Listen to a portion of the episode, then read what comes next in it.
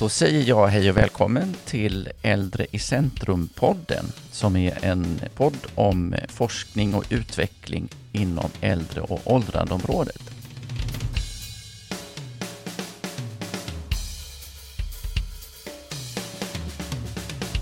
I dagens podd ska vi prata om kompetensförsörjning inom äldreomsorgen.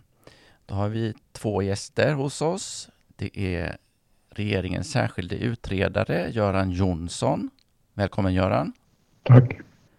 Och Ann Jönsson som är utredningssekreterare. Tack så mycket. Jag heter Jonas Nilsson och är chefredaktör för tidskriften Äldre i centrum och här med mig har jag också Micke Mildén som eh, jobbar på Äldre i centrum. Vi har tidigare haft Ann med oss i, i podden för ett och ett halvt år sedan ungefär. Då pratar vi om åldersvänliga städer. Nu ska vi prata om, som sagt, någonting helt annat. Eller är det helt annat, Ann? Ja, eh, delvis kan man väl säga, men eh, allt det här hänger ju ihop. Tanken med de åldersvänliga städerna, det, det arbetet var ju väldigt mycket att skapa miljöer som är bra att åldras i för att eh, om möjligt också kunna skjuta upp behovet av vård och omsorg. Eh, nu så är vi ju i vården och omsorgen och eh, det här uppdraget har ju handlat om eh, kvalitet eh, i en ska säga, strikt bemärkelse som handlar om personalens kompetens och att kunna eh, få eh, människor att vilja jobba inom vården och omsorgen om äldre och att vilja stanna inom verksamheten. Och utredningen heter alltså, eller utredningen, Betänkandet heter Vilja välja vård och omsorg, en hållbar kompetensförsörjning inom vård och omsorg om äldre. Och ja, jag sa att Göran, du var utredare, men du var då utnämnd till nationell samordnare för kompetensförsörjning inom vård och omsorg om äldre. Gör det att eh, utredningsuppdraget skiljer sig åt jämfört med ett vanligt uppdrag? Tanken var väl att förutom att vi skulle producera en bra utredning att vi också skulle under tiden se till att det hände konkreta åtgärder ute i vårt avlånga land och att eh, vi tog under tiden också olika mediala initiativ och eh, en rad kontakter. Och eh, nu tyvärr blev det ju så, vi hade ju planerat att vi skulle åka ut till alla 21 regionerna och träffa alla kommuner i varje region och, och alla intresseorganisationer. Nu slog ju coronapandemin till så vi fick lägga om hela det upplägget och istället så fick vi ju då digitala seminarier som vi hade 21 stycken och eh, de utföll bra. Eh, men det är klart att eh, hade man fått åka ut rent fysiskt och träffa människor så hade vi väl kunnat mera diskutera mer handgripligt hur det ser ut på olika ställen. Det är egentligen nu jobbet börjar när vi har en, ett antal konkreta förslag. Det är nu som eh, de här 290 kommunerna måste ta tag i det och regeringen kommer, också, kommer aldrig undan ansvaret också att ta tag i det där på ett mycket mer handgripligt sätt. Det låter ju som ett väldigt eh, spännande och kul arbetssätt det här. Att försöka nå ut och, och, och vara mer utåtriktad och så. Om man undrar, först undrar man ju lite över varför just det här ämnet? Varför just det arbetssättet i det här fallet? I direktivet till utredningen, alltså det som eh, där regeringen liksom berättar om eh, vad, vad, man vill ha ut av det här arbetet, så, så uttryckte man ju det som att, att eh, den nationella samordnaren ska stödja och initiera ett förändringsarbete. Det var ju en mer utåtriktad roll. Och anledningen till att, att just den här frågan är så angelägen det är ju att, att äldreomsorgen är ju ett, en av våra viktigaste framtidsfrågor. Vi, eh, vi kommer bli allt fler äldre. Eh, och eh, det kommer också då att bli en större grupp som kommer att behöva vård och omsorg. Eh, befolkningsutvecklingen ser ut så. Vi har stora pensionsavgångar i, i den här sektorn. Så att eh, man måste ha ett framtidsinriktat arbete för att, för att liksom, eh, den här kompetensförsörjningen ska bli hållbar. Det som kom fram vid de här dialogerna, alltså deltagarna fick både prata Eh, fritt eh, alltså, på de här digitala mötena. Men det fanns också möjlighet att skriva in till utredningen och, och reflektera kring, kring de här olika frågorna. Eh, och de, alltså alla de bidragen kan man säga, det är grunden för den analys som vi sen har gjort. Så att de här eh, digitala mötena, det är en annorlunda arbetsform. Vi eh, har inte sett någon annan utredning som har gjort så förut så att vi eh, fick bryta vår egen mark här och eh, eh, men vi fick in väldigt mycket bidrag från deltagarna och det har betytt väldigt mycket för oss och för det som sen blev betänkandet. Jag, jag, tänker att nu har ju kommunerna varit delaktiga, verkligen delaktiga på riktigt. Betyder det att det finns liksom en lite större chans att de faktiskt tar det här förändringsarbetet vidare nu också?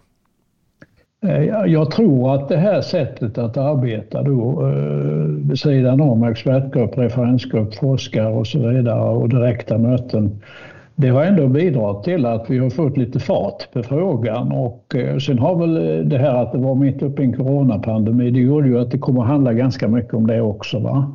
Och det slet ju täcket utav och blottlade mycket av de brister som både finns och fanns.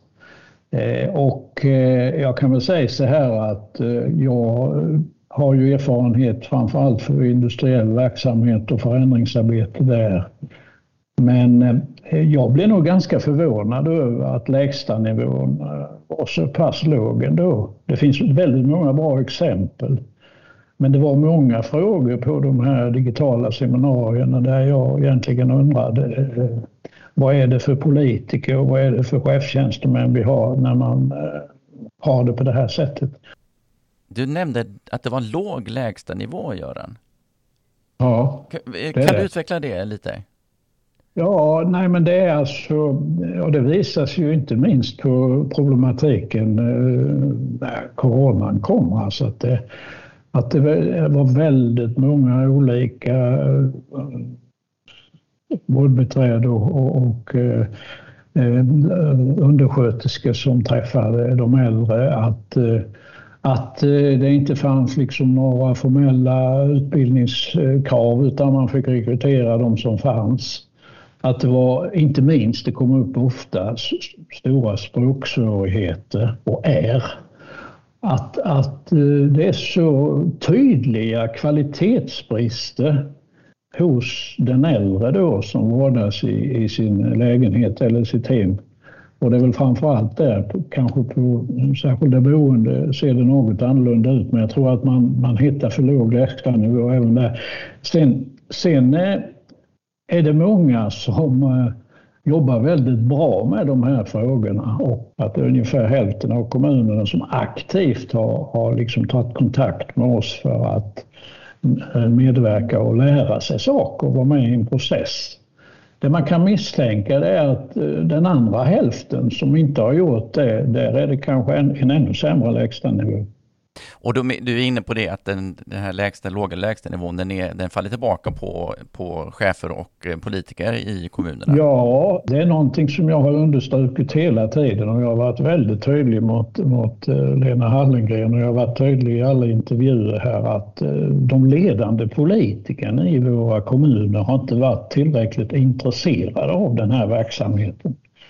Det finns politiker som är genuint intresserade men det ledande kommunalrådet måste vara genuint intresserad av det här så att man förstår det, att man i budgetprocessen tar hänsyn till det, att man rekryterar rätt chefer, att man organiserar verksamheten på rätt sätt och att man hela tiden följer upp. Om vi vänder på det, har ni träffat några, hittat några som har gjort, som har gjort jobbet? Har, finns det bra exempel som ni har stött på i utredningsarbetet? Då har vi ett väldigt bra exempel uppe i Fyrbodal.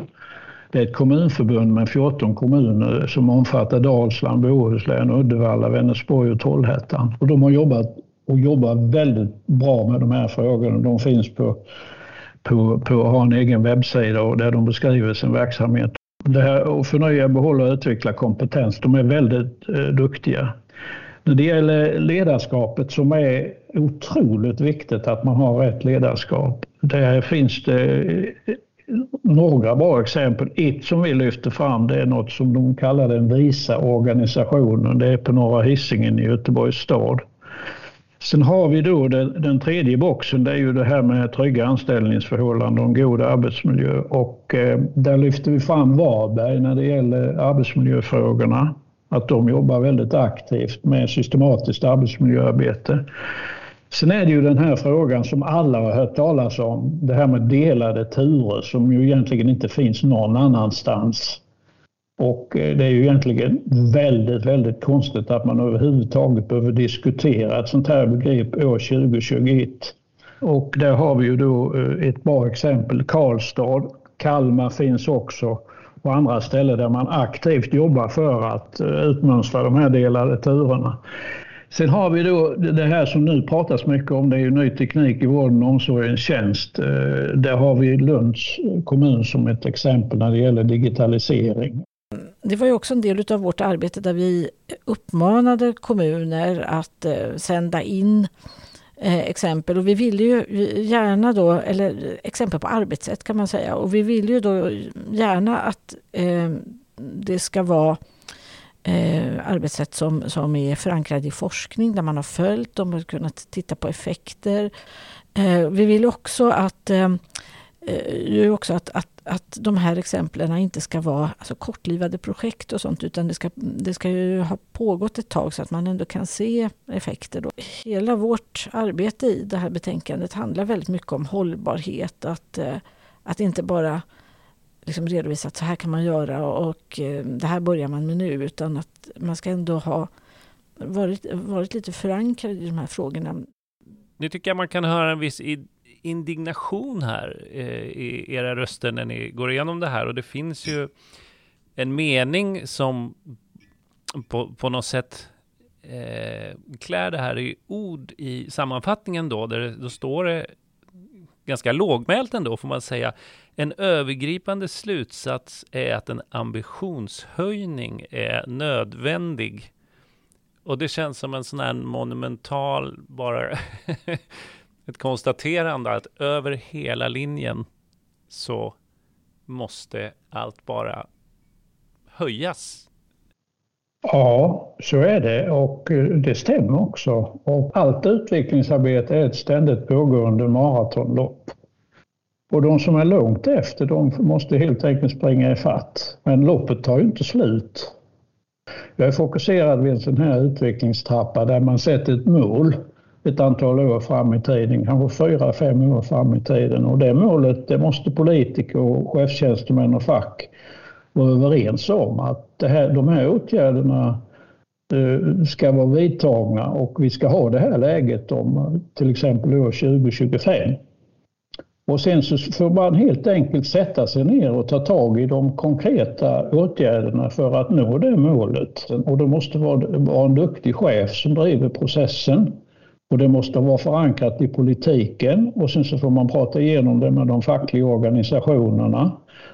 Eh, man får ha, vara väldigt tydlig och enveten när man bedriver förändringsarbete. Annars blir det bara ad hoc och plåsterlappar. Så att förändringsarbete det måste bedrivas väldigt systematiskt och uthålligt. Och det är jag också förvånad över att man inte på ett annat sätt har anammat i i, i eh, den här verksamheten. De kommuner som är bra och som vi räknar upp här, till exempel Fyrbodal och andra i det, de kommunerna och många andra också, de jobbar på det här sättet. Och så jobbar man inom alla andra sektorer. Och det handlar inte om att man ska satsa en massa pengar eh, bara. Det handlar om det också. Utan det handlar om att man ska göra rätt saker. Inte många saker utan rätt saker. Men betyder det då att FoU-enheterna som finns ute i regionerna och kommunerna och så, att de får en liten nyckelroll i det här då? Jag skulle tro ibland att eh, sådana här FoU-enheter, det gäller både i, i företag och, och, i offentlig verksamhet, de, de lever ett lite eget liv. Och eh, det är sällan de kommer ner, eller allt för sällan de kommer ner och att det blir praktiska resultat utav de rönen. Och, och, jag tror inte att de flesta av de här undersköterskorna och vårdbiträdena ens vet att det finns en FoU-enhet. I alla fall har det, inte, har det inte kommit till någon särskild nytta för dem. Det kanske det har gjort, men de vet, vet sällan om det. Skulle du säga att det är den här allmänna, mm, det allmänna ointresset från politiker och ledning som gör att de här resultaten inte kommer ut och används? Jag tror inte att varken politiker eller chefstjänstemän eller andra är ointresserade av verksamheten. Problemet är att man, man jobbar inte tillräckligt systematiskt och man, man, man eh, har inte satt upp mål som, som hela verksamheten har ställt upp på. Men när vi har eh, mött människor i de här dialogerna vi har haft så har det också berörts återkommande det här med eh, verksamheternas status och synen på arbete med, eh, med äldre. Eh, och, eh, och det har ju också jämförts med eh, Alltså den utveckling som, som eh, har skett när det gäller förskolan och pedagogik när det gäller barn. Alltså när den verksamheten professionaliserades och, och eh, det kommer in fler, mer utbildad personal så höjdes också statusen och det, alltså det blev en annan syn på de här arbetena och att det är en liknande utveckling som vi måste få när det gäller vården och omsorgen om äldre och, och, att det också handlar om synen på den gamla människans behov i samhället. Det är också en, en, en uppfattning eller ett konstaterande som vi har hört många gånger i våra dialoger. Det ska ju bli, tycker jag, intressant att faktiskt se vad som händer här nu, eh, valrörelsen som kommer nästa år. Det har ju sagts både en och tio gånger hur viktig den här frågan är och att den nu har fått eh, spotlight på sig. Eh, eh, ja, det är lite upp till bevis för politiker på alla nivåer. Får jag säga en sak där? Jag, jag, jag har sagt också i några intervjuer, jag är ju gammal kompis och arbetskamrat med Stefan Löfven. Han var ju min närmaste man när jag var metallbas. Och jag har sagt att eh, det är bra att han säger det här att vi ska ha världens bästa äldreomsorg. Men det, det, det, det kommer bara skapa frustration om det inte följs upp utav att man också konkret tar tag i frågorna och att man har ett, ett program för det. Och då måste man jobba väldigt Det hjälper inte att göra utredningar utan man måste ta tag i det där och följa upp och se till att det verkligen händer saker. Nu är det ju kommunerna, 290 kommuner som har det här ansvaret men nu, må, nu måste några eh, liksom samla ihop sig och SKR och vårdföretagarna och facken och andra och så, så måste man köra ett systematiskt program eh, så att man på fem års sikt får det bättre. Och då är det en, mängd åtgärder som måste till för att, att flera ska vilja välja vård och omsorgsjobb. Då måste statusen upp. Eh, det måste bli bättre arbetsorganisation, det måste bli bättre arbetsmiljö, det måste bli bättre arbetsvillkor och anställningsvillkor. Och, eh, och det ska, de ska ha bättre betalt. Det måste vara en jämnare könsfördelning. Varför ska, inte, varför ska det vara 90-10 eh, procent kvinnor 90 och män 10. Varför ska det inte vara 50-50 om ett antal år? Precis som det är inom industrin ska vara 50-50. Nu nämnde du det som jag tänkte nämna, eller som jag har suttit och tänkt att jag borde ha nämnt i början av vår, eh, vårt samtal här, metallbas. Det vill säga, Göran Jonsson, du är inte bara utredare, utan du har också ett förflutet som fackföreningsledare inom IF Metall, ett av de största LO-förbunden, även om väl Kommunal är större.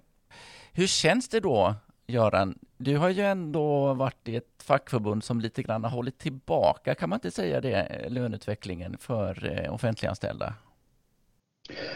Nej, det, det, det, kan du inte säga. Eh, vi tog tidigt i, inom industrin och inte minst inom Metall ställningen att vi kan inte få allting i central avtalsuppgörelse. Utan det måste ske en, en, en löneutveckling också i, i liksom Eh, i, i särskilda etapper i takt med att man tar ett större ansvar, att man jobbar mer effektivt och man, man eh, genomgår de utbildningar som krävs. Och det, det tror jag, det synsättet har tyvärr kommit alldeles för sent in till de offentliga verksamheterna utan det blir liksom en väldigt stor fokus på de här centrala eh, avtalsuppgörelserna det måste ske någonting eh, löpande. Det är inte bara vid själva avtalstillfällena. Eh, så att eh, det är min bestämda uppfattning att de här tjejerna, företrädesvis som jobbar i den här verksamheten, de har för dåliga arbetsvillkor. De har inte tillräckliga utvecklingsmöjligheter, det de förtjänar. De gör ett fantastiskt jobb och de har för dåligt betalt.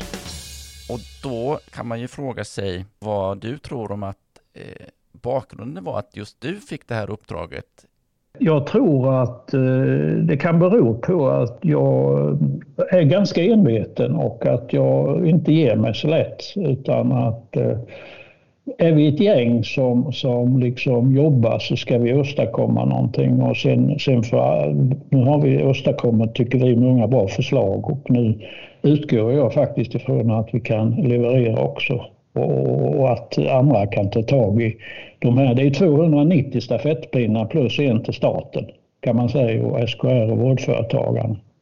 Sen, eh, sen tror jag att jag, hade, jag blev förvånad när jag fick frågan och eh, eh, sen, sen sa de att du ska få bra medarbetare och då träffade jag Ann och Annika Remeus också då och eh, med erfarenhet från Socialstyrelsen och Socialdepartement och och då så bestämde jag mig och sen så kallade vi oss en trio då och eh, jag tror att min eh, liksom, praktiska syn på förändringsarbete och deras genuina kunskap om, om just den här sektorn och det sociala eh, det, var, det blev en, eh, det en bra kombination och vi, vi, har, vi har jobbat mycket och vi har skrattat mycket kan man väl säga. Ska vi då kasta oss över fyra, kallar ni det boxar? Eh, ja, det gör vi. Och det var ju egentligen eh, så att vi när vi satt alldeles i början och hade fått direktivet och höll på och benade i det och också tittade på vad, vad som hade skrivits förut och vad som brukade sägas på det här området. Och då var det någon av oss som sa att egentligen så är det ju så att man skulle kunna koka ner Eh, alla de här förslag, eh, tankarna eller förslagen eller idéerna eller problemen eller så ehm, och stoppa dem i fyra olika lådor. Ehm, den ena av dem handlar om att förnya, och utveckla och behålla kompetens, alltså utbildningsfrågor, karriärmöjligheter om man vill så vill. Det är den. Eh, och så sen den andra boxen handlar om ledarskapet, chefens villkor och arbetsgruppernas storlek och, och chefernas kunskaper och så. Det är den. Och sen så fanns det en arbetsmiljöbox som var ganska stor. Det handlar mycket om schemat och det handlar om andra typer av arbetsmiljöfrågor. Och så sen så den sista som ju egentligen var en låda som regeringen hade lagt i vårt knä. Den handlar om den nya tekniken. Hur ska den kunna eh, tas i bruk? Eh, vad behövs det för kunskaper där? Ska vi beta av box för box? De bästa förslagen i varje box eller det mest bärande? Vad tror ni om det? Jag, jag, jag kan väl börja. Vi, vi, vi, eh, så kan anfylla på. Jag tar det lite övergripande. Va? Och de, eh, då är det ju först det här första boxen. Det är ju förnya, utveckla och behålla kompetens. Och då är, är vi ju inne på det här att man måste utveckla kar, karriärvägar. Jag tar de tyngsta delarna, de, de är mest representativa för förändringen. Och, och eh, då så måste, och man måste ju se till att det inte här blir några genomgångsyrken. Man måste helt enkelt se till det finns inget arbete som man inte kan utveckla inom den här eh, äldreomsorgen. Och, och då måste man också den eh, som tar jobben här måste veta att det finns en möjlighet att, och göra en karriär på olika sätt. Va? Både, både arbetsmässigt och organisationsmässigt och lönemässigt. Sen måste man tydliggöra yrkesrollerna. Eh, vi pekar på då olika ansvarsområden. Eh, hygien, IT, språkombud, teamledare med mera. Där kan man göra väldigt mycket kring de här teamen och där är ju ett utvecklingsarbete. Teambaserat arbetssätt så att man inte eh, utlämnar den enskilda tjejen som ska göra jobbet till att fatta alla beslut. Eh, ledarskapet, där sätter vi ett tak eh, för antalet som varje chef ska ha och det är mellan 20 och 30 medarbetare, absolut inte mera. Och det har vi ju hört exempel på både 60, 70, 50, 60 och 70 eh, när vi har kört de här seminarierna. Och då kan man inte vara en, en coachande chef. Eh, och eh, vi säger också att de här verksamhetsnära cheferna som är så viktiga, de måste ha stödresurser då, administrativt stöd, ekonomisk, ekonomifunktion, HR och IT-support med mera. Sen tredje boxen då det är anställningsförhållanden, trygga och god arbetsmiljö. Och där handlar det ju om att man måste ta sitt lagstadgade ansvar. Det ansvar, ansvaret tar arbetsgivaren och man måste bedriva ett systematiskt arbetsmiljöarbete. Och så menar vi ju då att arbetsgivaren måste se till att det är heltidsarbete och tillsvidareanställning som är norm. Eh, och där finns det ju ett arbete på gång mellan SKR och Kommunal också. Det sker faktiskt en utveckling. Eh, sen är det ju då det här sista boxen med utnyttja ny teknik, teknik i vården, omsorgen, tjänst. Eh, det här, eh, det finns ju olika verktyg då som tillsynskameror, digitala lås, läkemedelsrobotar, GPS-larm och annat. Men det måste finnas en, en, en plan för det här och eh, det finns ju en överenskommelse mellan SKR och, och eh, staten också, ett utvecklingsarbete. SKR har deltagit på våra eh, digitala seminarier och berättat om det här. Eh, sen måste man se till att eh, att eh, personalen är delaktig i den här processen. Alltså det, det, är mycket lätt när det gäller sån här teknik och digitaliseringsutveckling att det sitter några på toppen och bestämmer kommer in någon käck konsult som säger att nu måste ni köpa det här. Va? Och sen så eh, tror man att man ska kunna genomföra det där och sen står det, när det går ett tag så står alltihop i en hörna där och ingen jäkel bryr sig om det. Och fungerar inte organisationen och man har gjort en rätt ansvarsfördelning och man har ett rätt ledarskap, då, då är det meningslöst att, att, att göra teknikutveckling och digitalisera. Det ska vara bra både för de anställda, naturligtvis för kommunen, men det ska också vara till hjälp för den enskilda äldre och för de anhöriga. Men, eh, nej, men jag, jag, tänker på det här eh, med eh, att eh, undersköterska blir en eh, skyddad yrkestitel, alltså att man faktiskt eh, eh, på något vis bestämmer vad är det man ska kunna, vad är det som krävs för att bli undersköterska. Alltså i, i, vi hade ju eh, kontakter med, med eh, forskare som, som har tittat på hur det har sett ut i Norden och hur det har också sett ut när det gäller... Ja, det är också andra utredningar som, som har gått igenom det här med vad det är som krävs utbildningsmässigt. Och, och, och det har ju sett lite olika ut just med det här med den skyddade yrkestiteln och där vi ju liksom är på gång nu i Sverige. Eh, och det håller vi ju fram i vår utredning som en väldigt viktig sak. Alltså det här med att faktiskt liksom slå fast kompetens. Att det här, det här är yrken som... Det här är arbeten som kräver kunskap och eh, man lägger fast vad är det man ska ha gått för utbildning och hur mycket är det som, som fordras. Det är ju ett sätt att liksom värna sektorn kan man säga. Då, att, att det ska inte gå att komma liksom var som helst ifrån och bara gå in och göra ett jätteviktigt jobb för en äldre människa som behöver eh, många olika slags insatser. Eh, egentligen kan man ju fundera över varför det här har tagit så ruskigt lång tid att komma fram till att eh, man ska ha skyddad yrkestitel och eh, att, att det kräver vissa utbildningar för att man ska få jobba med, med den här typen av verksamhet. Så att, och sen tror jag att det har betydelse också, alltså man tittar på historien där så är det ju, var det ju mycket så för att det var, ja, de yngre fick ta hand om de äldre och sen så småningom så kom det hemsamariter och det blev ett jobb som man kunde ha några timmar i veckan. Och, och, och sen så liksom, så det blev det blev liksom inte någon eh, ordinarie arbetsmarknad förrän ganska sent det här. Va? Eh, och det där lever tyvärr kvar och det tror jag vi måste utmönstra och det måste vara professionella jobb helt enkelt.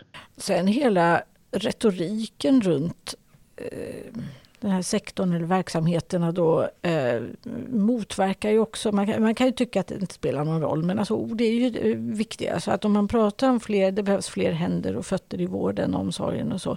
Om man gör det hela tiden så reducerar man ju det här arbetet till någonting som bara handlar om att eh, ta i en människa. Att det, det, behövs inte så mycket, det behövs, det behövs liksom fysiska krafter men inte så mycket mer. Och, och det har ju också nu, nu tycker jag att det börjar bli bättre, men det har ändå pågått ganska länge. Så att just hur man pratar om en sektor betyder mycket. Mm. Att, att ha den här skyddade eh, titeln och, och, och, ganska klart med vad den innehåller, gör det också lättare att jobba med kompetensutvecklingen sen? Jag tror det. Alltså, ja. Absolut allting som handlar om att systematisera, att lägga fast, att bestämma, att sätta upp ramar när det gäller sådana här viktiga jobb gagnar detta. Sen tror jag det här med, med ni är inne på det här skyddade yrkestitel, det, det kommer att göra att lägstanivån höjs. Och, och sen så tror jag att eh, när det är mer utbildade människor och, och det blir ett jobb eh, med status så kommer det också att krävas att man utvecklar de jobben. Så att eh, jag är ändå positiv på, på sikt om man, om man nu tar tag i det här på ett systematiskt sätt och att Eh, regering, och riksdag, regering och riksdag driver det här och att kommunerna tar det här på allvar och att eh, man ger det de resurser som behövs och att man organiserar det på ett sätt och följer upp det på ett sätt som verksamheten förtjänar. All right. Eh, går det här att genomföra? Ni har varit inne på det lite att det här är, det är kända saker och eh, inga, egentligen inte rocket science, men om det nu har varit känt, känt och inte är egentligen så svårt, varför har det inte hänt hittills och vad, vilka är förutsättningar för att det ska hända saker nu? Jag tror att en, en anledning att eh, det är att det har varit eh, inom nästan alla andra eh, områden så finns det starka grupper som, som ställer tydliga krav. Barnomsorgen, det var ju liksom föräldrarna otroligt angelägna. De äldre har inte haft samma starka påtryckningsgrupper. Eh, eh och, och det, det, det, inte bara går att genomföra eh, en, en, eh, en, en, en, i huvudsak alla våra förslag utan det är nödvändigt att genomföra det. Det är nog viktigt också att säga att alla de förslag alltså som vi har pratat om, alltså det handlar inte bara om, om resurser och pengar utan väldigt mycket av det vi har sett är ju på något vis också organisationsfrågor, kulturfrågor. När vi diskuterar schema till exempel som en stor arbetsmiljöfråga så, så är det många som säger att det är mycket gamla tänkesätt som, som lever kvar. Det är mycket gammalt sätt att organisera som gör att man, att man fortsätter med de här delade turerna. Eh, så att eh, Ja, vi är ju övertygade om att eh, om man eh, arbetar systematiskt med de här frågorna så går det verkligen att åstadkomma ett förändringsarbete. Just det här när man ser hur olika det ser ut i kommunerna så ser vi också möjligheten att, att eller ser vi också att, att, att det faktiskt går att göra. Hmm. När man läser utredningen så är ju ändå en tanke man slås av hur mycket dyrare ska det bli och hur möjligt det är i så fall. Eh, men det betyder med andra ord att det finns mycket att göra ändå, helt utan nya finansieringssystem och så vidare. Nej men alltså, det som blir väldigt dyrt, det är ju om det inte fungerar. Om du bara ska snurra runt med personal och, och, och liksom hela tiden rekrytera nytt, chefer som sticker så fort de får en annan chans och Eh, ständig, hög personalomsättning, dålig, dålig trivsel. Det, det där blir ju väldigt dyrt. Så man måste, man måste se till att, eh, ja, du, du måste se till att du vänder på kuttingen och eh, även om det är initiala investeringar man måste göra i utbildning och, och kanske rekryteringar och, och eh, kompetensutveckling och annat för, för bättre organisation. Det är initiala kostnader men, men jag tror att, jag är övertygad om att det betalar sig på sikt. Vi har grävt oss ner här i det här poddavsnittet i eh, utredningen om eh, kompetensförsörjning inom vård och omsorg. Eh, man kan få läsa mer eh, om man vill om man eh, går in på vår webbplats aldrigicentrum.se. Där kan man söka efter Eh, en artikel som heter Så ska vård och omsorgsyrken bli mer attraktiva. Jag ska också säga, eh, något som slår mig med den här utredningen, det är ju att den är en av få på senare år som inte har föreslagit en ny myndighet. Så brukar det ju alltid vara, det hamnar till slut ett förslag om att vi ska tillsätta en ny myndighet. Eh, men det som ni har föreslagit här är ju eh, en, en uppföljande, eh, någon slags uppföljande funktion. Och vi får väl se om just den stafettpinnen som är en av de centrala plockas upp av eh, Göran Jonssons gamla kollega då, Stefan Löfven, som ju ska gå i pension snart har vi fått veta och som ju kommer att, det hoppas vi, att han får leva så länge lyckligt att vara i behov av omsorg. Och då ska det ju vara världens bästa äldreomsorg. Eller hur? Rätt. Tack så mycket Göran Jonsson, utredare, Ann Jönsson, utredningssekreterare och eh, Micke Mildén, bisittare. Tack. Själv heter jag Jonas Nilsson. Tack ska ni ha. Tusen tack. Tack så mycket.